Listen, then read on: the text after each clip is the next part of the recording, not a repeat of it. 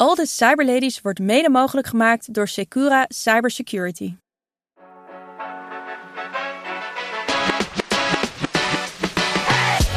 Dit is All the Cyberladies, een podcast voor, door en over vrouwen in IT.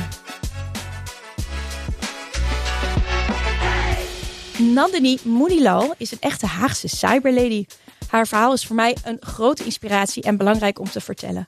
Ze groeide op in de multiculturele smeltkroes van de Haagse Schilderswijk en ging via het gymnasium naar de Universiteit van Rotterdam.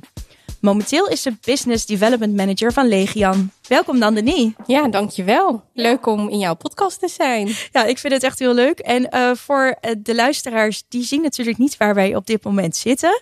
Wij zitten eigenlijk in de kelder van Legian. Ja. Van een prachtig gebouw in Den Haag. En uh, hier op de muur is een, echt een een, een levensgrote foto van het stadion van Feyenoord.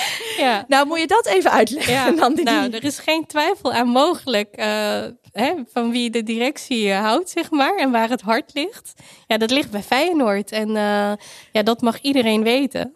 Ja, dat is, daar is geen twijfel over mogelijk. Nee, Inderdaad, nee. grote sportfanaten hier Zeker. bij Legian. Want ik zie allemaal posters uh, aan de muur hangen van uh, sporthelden en ja, dergelijke. De legendes, de legendes die we eren ja. aan de muur en de wall of fame. Ja, ja, ja, ja. hartstikke, hartstikke goed. Dus nou ja, ik, ik ben zelf geen voetbalfanaat, dus ik heb hier ook helemaal geen sentiment bij. Maar ik vond het wel leuk om even te benoemen. Ja. Um, maar over jou, want daarvoor zijn we hier. We beginnen even ja. bij het begin. En uh, ik was even benieuwd, was de kleine Nandini al heel vroeg geïnteresseerd in cybersecurity? Ja, nou, toen ik jong was, bestond er helemaal geen cybersecurity. Ik kende dat woord niet eens. Dus uh, nee, ja, het antwoord is nee. Ik, uh, ik vond school heel leuk. Ik vond het heel leuk om te leren. Ik vond boeken lezen heel leuk. Ik denk dat ik toen ik opgroeide het liefst een eigen boekenwinkeltje wilde. Want dan kon ik de hele dag alles lezen. Ja? En zat ik niet aan de max van uh, zoveel boeken lenen bij de Biep.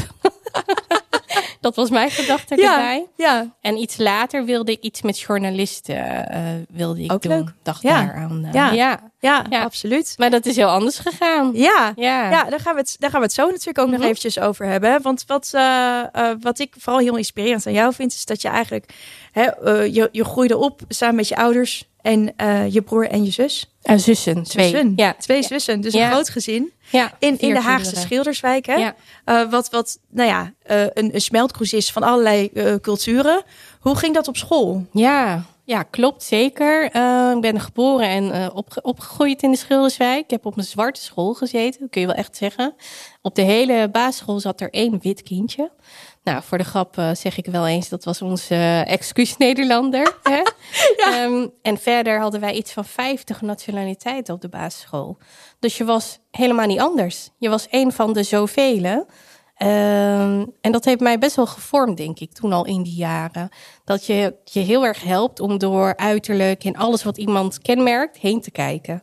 Uh, want alle kindjes, die waren uiteindelijk toch een kindje. Ja. En dat waren je vriendjes en vriendinnetjes. Ja. Dus uh, ik kwam pas later achter dat Nederland en de samenleving er toch anders uitziet dan mijn basisschooltijd.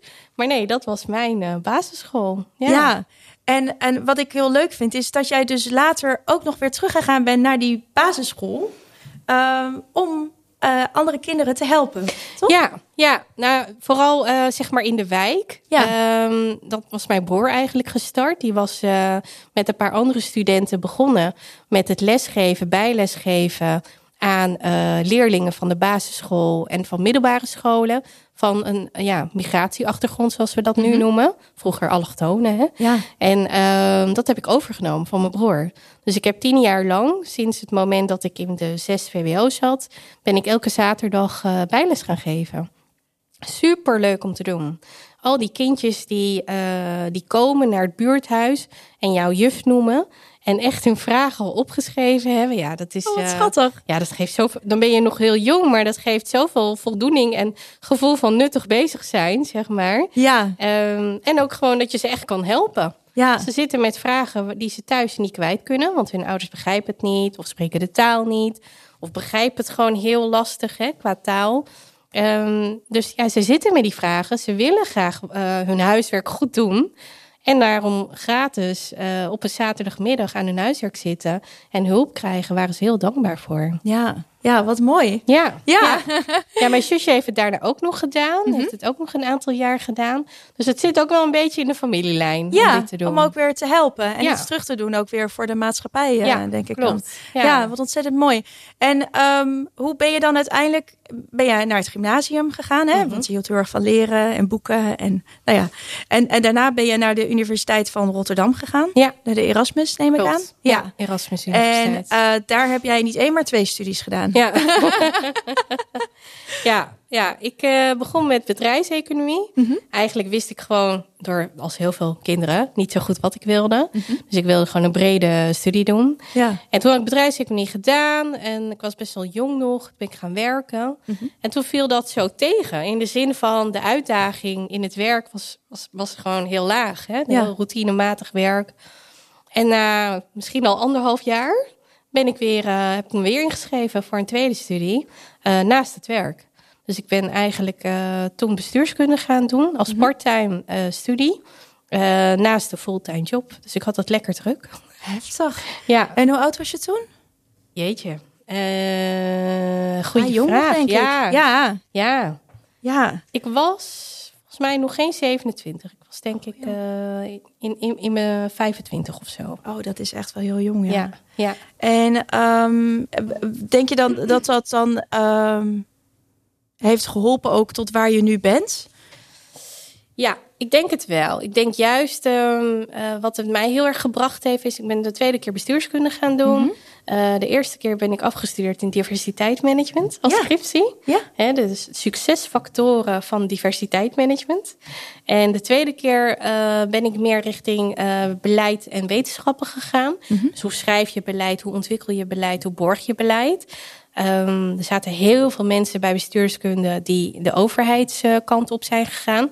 Maar wat je daar leert, ja, dat kan je net zo goed nu ook in de praktijk brengen. Ja. In alles wat ik doe, zie ik dat nog steeds terugkomen. Dus dat zijn hele waardevolle lessen geweest. En ik ben afgestudeerd in ehm, een scriptie genaamd de klokkenluidersregeling. Oh. En hoe effectief is dat? Dus ook dat zijn weer allemaal Nou, thema's die ook weer binnen security. eh, ik zie straks minister-president Nandini. Ja. Het zou het zijn. Ja, toch? Ja. ja, dus nee, het heeft me echt wel gevormd. Ehm, ik denk heel veel mensen vinden van de Unie, het is heel theoretisch, hè? het kan heel stoffig zijn. En misschien is dat het ook wel, maar ik denk wat je er wel van meekrijgt is dat je uitgedaagd wordt om vanuit theoretische concepten iets concreets te maken. En dat te kunnen we toe te passen in de praktijk. Dat is toch echt wel wat ik geleerd heb eh, op de Unie. ja. En, en wanneer heb jij dan de eh, stap gemaakt richting cybersecurity? Ja, ik ben eigenlijk, ik denk net zoals heel veel mensen, de cybersecurity ingerold. Ehm, ik werkte namelijk bij een eh, grote verzekeraar binnen risk management. En in die tijd was het vak security of de rol security was er niet echt. Het was een eh, risicocategorie als risk manager. Dus je had acht risicocategorieën en één ervan was security. En die moest je eh, mitigeren. eh, Managen. Managen, Ja. inderdaad, ja. Ehm, en later is dat echt een rol geworden. En ben ik me steeds meer die kant op eh, gaan verdiepen. Zo ben ik erin gerold. Altijd wel vanuit governance, risk en compliance achtergrond. Dat Ja. wel, ja. Ja. En eh, via KPN heb je ook nog even gezeten? Twee keer zelfs. Ja? Ja, ja, dat is ook heel gek gelopen. Ik ben ooit als security adviseur, eh toen de tijd heette dat Netco, ben ik aan de slag geweest. Mhm. Toen gaf ik eh, advies over risicoanalyses. Dus we deden heel veel risicoanalyses en business impact analyses. Om maar even wat termen te Ja, noemen. ja, ja. En eh, op basis daarvan gaven we advies aan het MT. Mhm. Ehm, en toen ben ik voor, bij een securitybedrijf gaan werken. Superleuk als consultant. En heb ik eigenlijk eh, door de jaren heen eh, heel veel strategische consultie gedaan.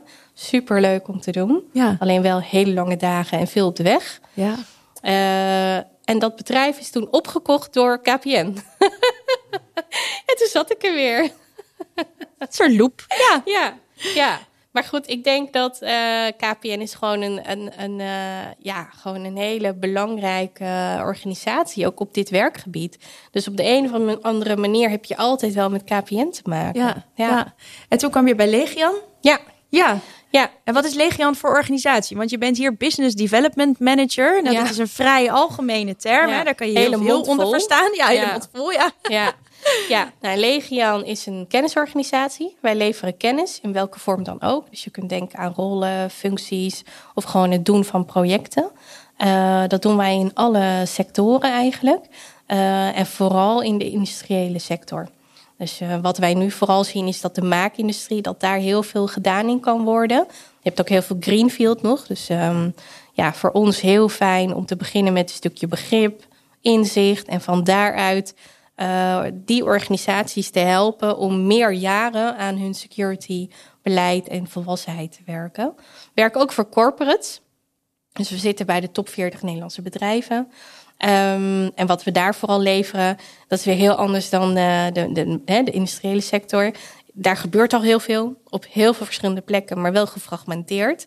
En we zien dat we de, daar de vragen krijgen om meer coördinatie en samenhang te creëren, of veel meer specialistische kennis te leveren. Ja. En wat ik als business development doe, mm -hmm. uh, is misschien ook leuk om te vertellen. Toen ik uh, hier startte, was die rol er nog niet. Dus uh, dat is ook heel fijn dat ik het, de vrijheid en vertrouwen heb gekregen om dat vorm te geven.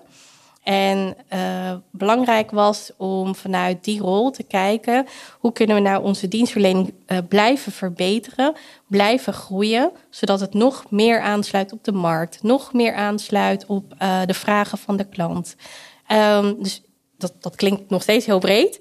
En wat ik daarin doe in de praktijk is de security strategie opzetten, ontwikkelen en borgen voor intern, maar ook als marktbenadering voor onze klanten. En continu kijken of er trends en ontwikkelingen zijn die uh, belangrijk zijn voor onze dienstverlening en daarin onze dienstverlening verbeteren. Ja. En dat is eigenlijk een soort ongoing circle natuurlijk. Uh, waarbij ook van dingen komen kijken zoals partnerships. De security wereld doe je niet alleen. Hoef ik jou niet te vertellen. Dat doe je juist met heel veel partners. Dus afgelopen jaren hebben bijvoorbeeld ook gekeken naar partners die complementair zijn aan onze dienstverlening. Die juist met ons een hele mooie schakel kunnen vormen richting klanten. Ja, en wat kan je daarover zeggen?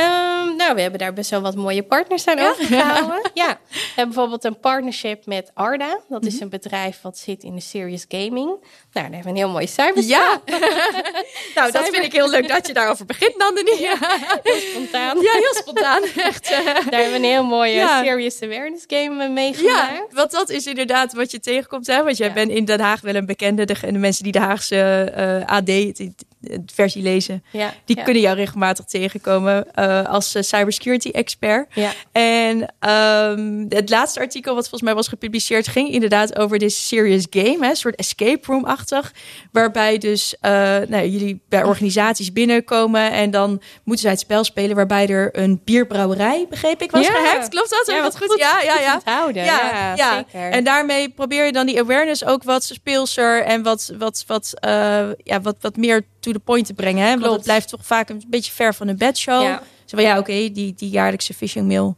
Ja, ja, dat is dat. het eigenlijk. Ja. Hè? Dat is Ja. het eigenlijk. Of dat vinkje wat je moet halen door, door een PowerPoint te klikken of ergens eh, iets te gaan eh, hè, beluisteren. Ehm, dat is de hele essentie van de game. Dat je iets doet wat, wat beklijft. Wat bij jou blijft hangen. Waardoor je een soort ervaring hebt. Wat iets bij jou triggert de volgende keer als je iets tegenkomt. Dat was de hele essentie van het ontwikkelen van een game. Want uiteindelijk wil je met awareness bereiken dat mensen iets top on the mind hebben. wat ze blijven toepassen. En natuurlijk ge- verandert het ook niet door één keer een game te spelen. Maar het is juist, denk ik, een combinatie van factoren. Um, en een hebben van een security beleid. En regelmatig bijvoorbeeld die phishing mail sturen. En dit soort games, ja, dat helpt wel. En je merkte, nou ja, dat merken we nu ook. We zitten nu bij een klant van ons. Dat is een, uh, een semi-overheidsorganisatie. Daar mogen we nu heel vaak uh, de game geven aan allerlei soorten afdelingen. Moet je denken aan, aan afdelingen die bezig zijn met digitaliseren van archieven. Nou, die hebben helemaal niks met security. Maar die vinden het super gaaf om uh, deze game te spelen. En met de, de, de, de lessen die ze uit die game leren, dat onthouden ze wel. En dat is toch anders wat je bereikt dan door een presentatie te geven. Ja, absoluut. Gewoon die PowerPoint-slides, die 40 slides af te draaien. Waarvan ze denken: oh, nou, leuk verhaal. Dankjewel, mevrouw Nandini. En ik ga weer verder. Ja. Nee. Nou ja, dit, dit, is, dit werkt perfect. We hadden een beetje de pech dat uh, ik ontwikkelde het in 2019, 2020. Ja, een bekende verhaal. De, de grote C. Was, ja, ja, ja, precies. En de kracht was juist het persoonlijk spelen met elkaar. Nou ja, je noemt hem al. De grote C kwam toen langs. Dus toen hebben we een beetje pech gehad en moest het even op de plank blijven liggen. Uh, maar nu gaat het hartstikke goed. En um, we merken ook, je kan het op elk niveau spelen. Je kan het ook spelen, want daar wordt het ook voor gebruikt door managementteams. Die gewoon uh, boven even wakker geschud moeten worden over de dingen die kunnen gebeuren. Uh, even nadenken op een andere manier. En wat we zien is, elke keer als we het ergens geven, worden we teruggevraagd om het bij een andere afdeling of een ander MT weer te geven. Groot succes. Dus. Ja. Ja. ja, superleuk. Ja, ja, wat ontzettend leuk. Ja, je bent helemaal blij, zie Ja. ja. ja dat vind ik ontzettend mooi. Ja. Um, en dan kom je natuurlijk bij heel veel boardrooms uh, binnen. En daar zie je, denk ik, voornamelijk, ik vul hem nu even in, blanke mannen. Ja, ja. ja. hè, de zeven vinkjes. Er moet wat aan gedaan worden natuurlijk. Dat vinden we allemaal. Hè? Ja. We willen gewoon meer vrouwen, hogere posities, meer diversiteit. Ja. Uh, nou ja, je bent erop afgestudeerd. Hè? Ja, Is. Is, is, er, is er een... Hoe, hoe bereiken we dat nou? Want ik merk aan alle kanten, iedereen wil het heel graag. Er wordt echt wel over gesproken, ook in de politiek. ja. Maar het blijft zo verschrikkelijk moeilijk. Het blijft ontzettend moeilijk. Er is ook van de week, geloof ik, of een week ervoor, is er nog een uitspraak uit de politiek geweest. Om geen quotum in te stellen, hè, dat daar toch niet in geloofd werd. En het is ook een moeilijke kwestie, want je hebt helemaal gelijk. Het is, ik zit in de IT-sector en ik ben toch vaak de enige nou ja, vrouw, gekleurd, andere achtergrond. Eh, ik ben ook hè, niet de langste. Dus ik val in alle fronten val ik op als ik binnenloop. Ehm, en ik kan me echt veel voorstellen voor, voor jonge meiden, voor dames die deze kant op willen, dat dat misschien ook gezien wordt als een soort drempel. Of waarom zou ik dat willen? Want ehm, eerlijk is eerlijk, het werkt heel vaak door soortgenoten te zien. Hè? Absoluut. Hè? Ja. Door mensen te zien eh, die. De rolmodellen, Ja, die de rolmodellen, nodig. Precies, ja. ja. en wat ik voor mezelf wel heb voorgehouden is. ehm, je moet eh, de gedachte van dat dat een beer op de weg kan zijn, dat jij anders bent, die moet je geen ruimte laten in je hoofd. Als het een keer ergens niet lukt, als je een keer ergens niet die promotie krijgt, eh, probeer het dan gewoon nog een keer. En geloof heel erg in je eigen prestaties. Dat is heel makkelijk gezegd hoor. Dat heb ik ook door de jaren heen eh, heel vaak ook tegen mezelf moeten zeggen. Ja. Maar er is echt wel. eh, of, of er zijn omgevingsfactoren die jou even niet meezitten. ehm, of andere dingen. Maar het moment als jij toelaat eh, voor jezelf om te zeggen: Ik heb die promotie niet gekregen. of ik heb mijn ambitie niet waar kunnen maken. omdat ik eh ander kleurtje heb. Mhm. Dan, dan merk je dat dat een soort neergaande spiraal wordt. ja. En daar, dat moet je niet willen. Niet voor jezelf. Self-fulfilling prophecy Ja. wordt het dan eigenlijk, hè? Ja.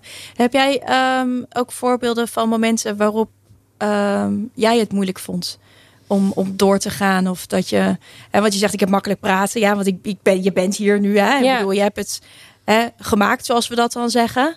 Ja, Ehm, Ik kan me voorstellen dat jij ook wel hobbels hebt moeten nemen Oh, in je absoluut. carrière. Ja, Absoluut. ja, ja. Ja. En, en is dat dan iets eh, ja, waar je graag dan nu over praat nog met jongere vrouwen? Waarvan je Ja, zegt, ja, ik wil daar hun wel voor behoeden of hun daarin meegeven. Wat, Ja, Wat ik voor denk, tips, Ik denk dat het ook wel een beetje de essentie is. Dat je het wel Ja. met elkaar deelt. En dat je het juist met elkaar over hebt.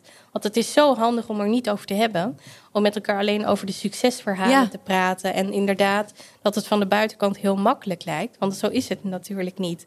Ik heb het vroeger zo vaak meegemaakt dat je onderschat wordt. Vanwege dat je er anders uitziet. Of dat je vrouw bent, de enige vrouw in de, in de kamer. En dat ik heel vaak toch op basis van prestaties en bewijsdrang hebben moet laten zien van... ehm, sorry, hij stoort, hè? oh nee, dat geeft niet. Nee, oké. dat ik mezelf heb moeten bewijzen. En dan zie je langzaamaan zie je het gedrag veranderen van anderen. En dan zie je van, oké, nou ja, ze weet wel waar ze het over heeft.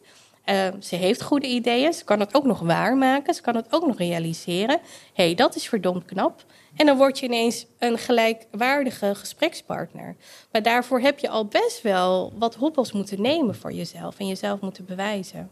Ja, en je moet juist zoveel meer energie erin steken hè? Dan, dan misschien mensen en mannen die ja, dit toch anders uitzien. Ja, ik had uh, toevallig zijn collega van mij dit een uh, tijd geleden. Van, uh, goh, hè, het is al best wel moeilijk als vrouw om ergens voor te vechten. Dan zal jij het helemaal zwaar hebben gehad.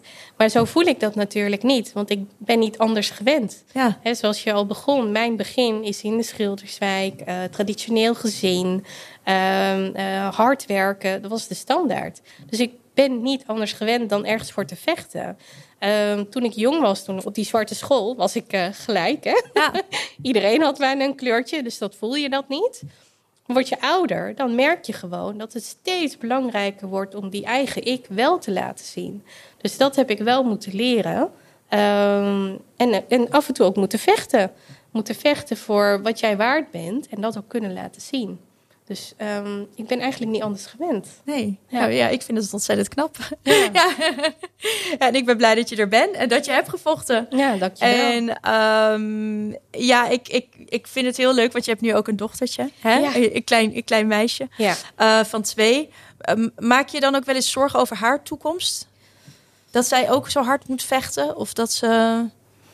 Ja, ja, tuurlijk. Als je moeder bent, gaan alle gedachten eigenlijk door je hoofd. Hè?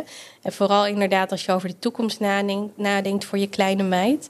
Uh, ik, zie wel, ik zie wel dat de maatschappij, dat er over veel meer dingen gesproken wordt dan in mijn tijd. Mhm. In mijn tijd uh, waren het geen uh, termen. Termen die we nu kennen, nou ja, diversiteit, uh, nou, een ander. Inclusiviteit. ja, ja, precies. Dat zijn termen van nu. Mhm. Dat was er niet toen ik zo jong was. Dus ik denk dat dat heel erg gaat helpen om dat gesprek met elkaar, met elkaar aan te gaan. Uh, en dat gun ik mijn dochtertje natuurlijk ook. Ja, absoluut. Ja. En, en wil je voor haar dan ook een carrière in de cybersecurity? ja, nou, dat mag ze helemaal zelf ja. weten. Ja, dat mag ze helemaal zelf weten. Ja, toch? Ja. ja. ja. En, en, en um, heb je dan ook, want je kent natuurlijk ook de gevaren en de risico's van uh, online en digitalisering. Ja. Denk je daar nu dan ook bij na bij het opvoeden van je dochter? Dat je denkt, nou, de schermtijd mag wel wat minder. Of, ja. ja. Oh, absoluut. ja. ja. Ja. ze is te veel verknocht aan allerlei filmpjes en toch mijn telefoon pakken, ook als ik dat niet wil. En ze is inmiddels zo slim dat ze weet als ze ergens op tikt en uh, maar genoeg op, uh, op tikt, dat hij dan ook hè, Ja. opgrendeld raakt. Dus dat is, uh, ja, natuurlijk wil je daarop sturen, maar het blijft lastig. Wat ik wel heb gezien is met de komst van het internet, met de komst van mobiele telefonie. Het heeft ontzettend veel tijd nodig. En dat is gewoon tijd die je gegund moet worden door de jaren heen. Dat, dat wij als maatschappij zien wat willen we er nou eigenlijk mee? Want eerst is het leuk en dan zit iedereen op Hives en dan maakt iedereen een eigen website. En dan, is het, hè, dan, dan ben je een beetje de mogelijkheden aan het verkennen. En op een gegeven moment begrijp je dat het gaat om connectiviteit en het gaat om uh, uh, het hebben van platformen waarop je kan samenwerken met elkaar. En ik denk dat dat ook zo is nu met social media het gebruik van uh, iPads op school, dat dat gewoon een bepaalde ontwikkeling nodig heeft door de jaren heen.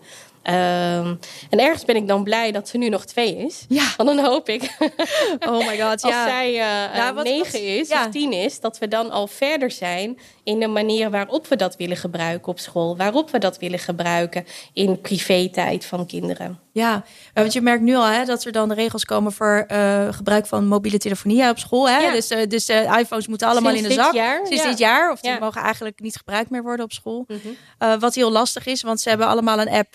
En ze moeten allemaal via die app hun huiswerk bekijken. Ik denk ja, oké, okay, hoe gaan we dat dan weer? Hoe gaan we dus, dat dus regelen? Je merkt dat heel erg de kant, de kant van ja, we willen uh, onze kinderen zo min mogelijk hè, met, die, met die schermen laten werken. Maar aan de andere kant ja, is het toch ook wel heel makkelijk. En, en ja. wordt er toch ook wel heel erg veel via die schermen uh, gedaan. Ja, en vast gevraagd. Ja. Um, en en dat, is, dat is waar ik uh, nou ja, als moeder ook wel heel erg lastig vind. Want ja, wij zijn eigenlijk nu hè, de eerste generatie die hun kinderen volledig ja, met die digitalisering opvoeden. Ja, hè? Want ja. toen wij klein waren, was er nog geen mobiele Klopt. telefoon. Ja, ik was 16, 17 geloof ik volgens mij toen ik mijn eerste mobiel kreeg. Ja, hetzelfde. Ja. En, uh, en, en mijn kinderen, ja, die, die zijn daar gewoon volledig mee opgegroeid. Ja. Die weten ook niet beter Nee. dan dat. En die vinden het heel raar als ik dan zeg, ja, vroeger zat de telefoon aan het raad. Weet je? Ja. Precies. En liep Ja. je er niet dag en nacht Liepen mee er niet rond. dag en nacht mee rond. Nee. Nee, had ik Nee. nooit dat ding tot mijn beschikking. Nee, maar ik had ook nooit kunnen weten, denk ik, in die tijd. Waarschijnlijk heb jij dat ook. Dat je zoveel kan met een telefoon. dat het gewoon onderdeel van je levensstijl eigenlijk is. Hè? Ja. Want als, die, als, als ik hem een keer vergeet. Ja, dan merk ik ook dat ik echt met alles een probleem heb. Gewoon al met parkeren heb ik dan een probleem. Ja, de, dus de meest nu gekke dingen inderdaad. alles wat je doet. Ja. ja. ja. Dus dat, dat is het natuurlijk wel. Omdat we nu zoveel functionaliteit hebben vanuit een mobiel... kun je ook niet makkelijk zeggen... jij krijgt geen mobiel of je doet die mobiel weg. Want dan merk je gewoon al die, al die dingen waar je tegenaan loopt. En daar moet je een balans zien te vinden. Ja, dat is natuurlijk uh, het allermoeilijkste. Ja, absoluut. Ja, en ook alle gevaren van online en zo. En ja, het is. Uh, mijn dochter is groot fan van Taylor Swift. Nou ja, die had oh. nu weer te maken met AI-gegenereerde uh, porno.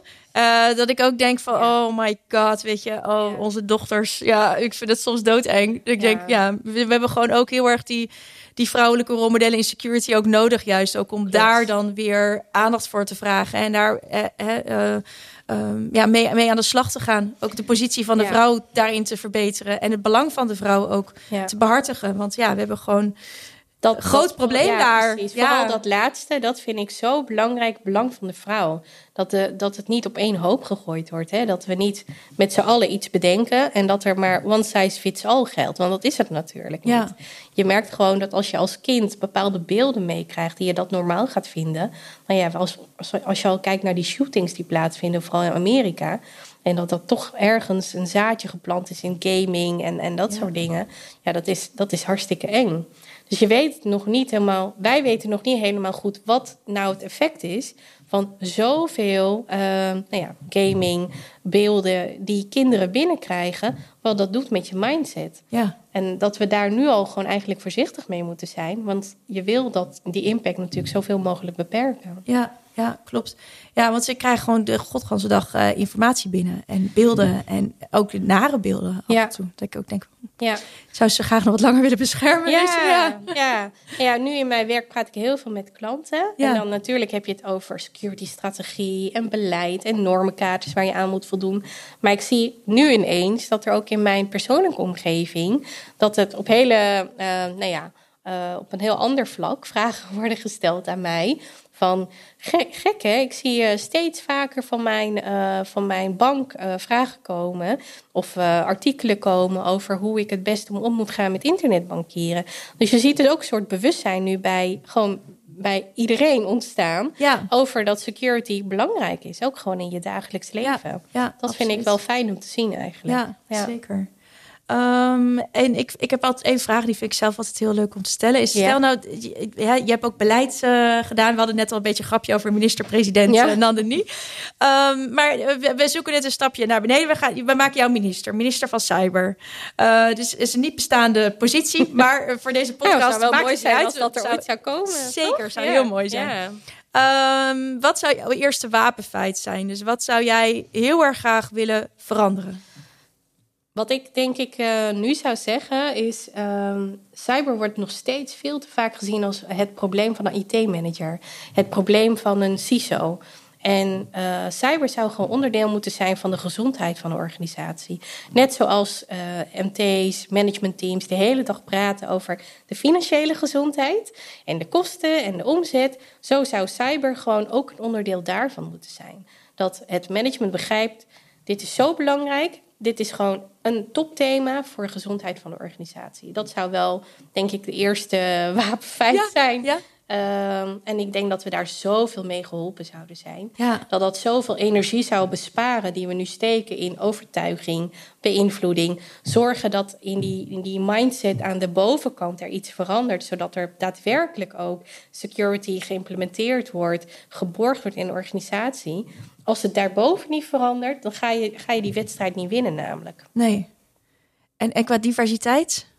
Ja, ja, dat zou misschien mijn tweede wapenfeit zijn. Ik ben echt voor dat er meer vrouwen moeten komen. En nou ja, ik, ik zelf uh, Absoluut. zou zeggen ook meer gekleurde vrouwen. Meer vrouwen met een andere achtergrond omdat dat helpt om jonge mensen te overtuigen dat jij het ook kan. Ja. dat jij ook op een bepaalde positie terecht kan komen.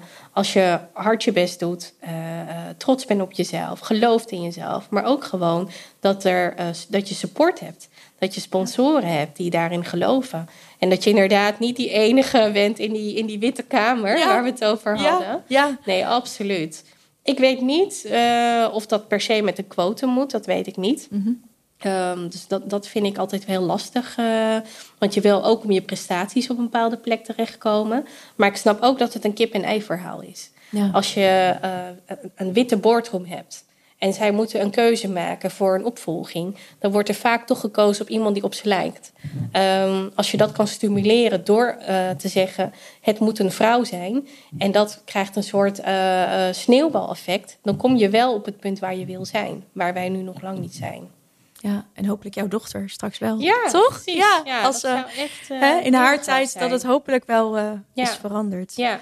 Um, tot slot, dat de laatste, de la we hebben een klein beetje het aangehaald, hè, maar de tips voor de dames en meisjes die nu een carrière overwegen in cybersecurity. Ja.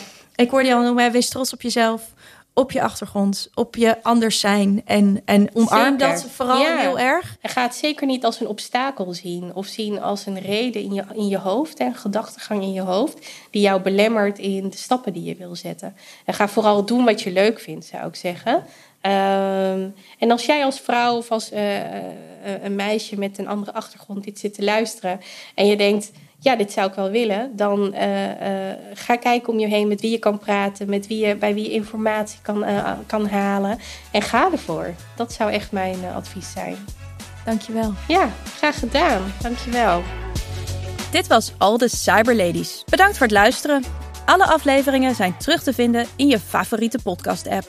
Laat weten wat je van deze aflevering vindt op de LinkedIn-pagina van All the Cyber Ladies. Tot de volgende! All the Cyber Ladies wordt mede mogelijk gemaakt door Secura Cybersecurity.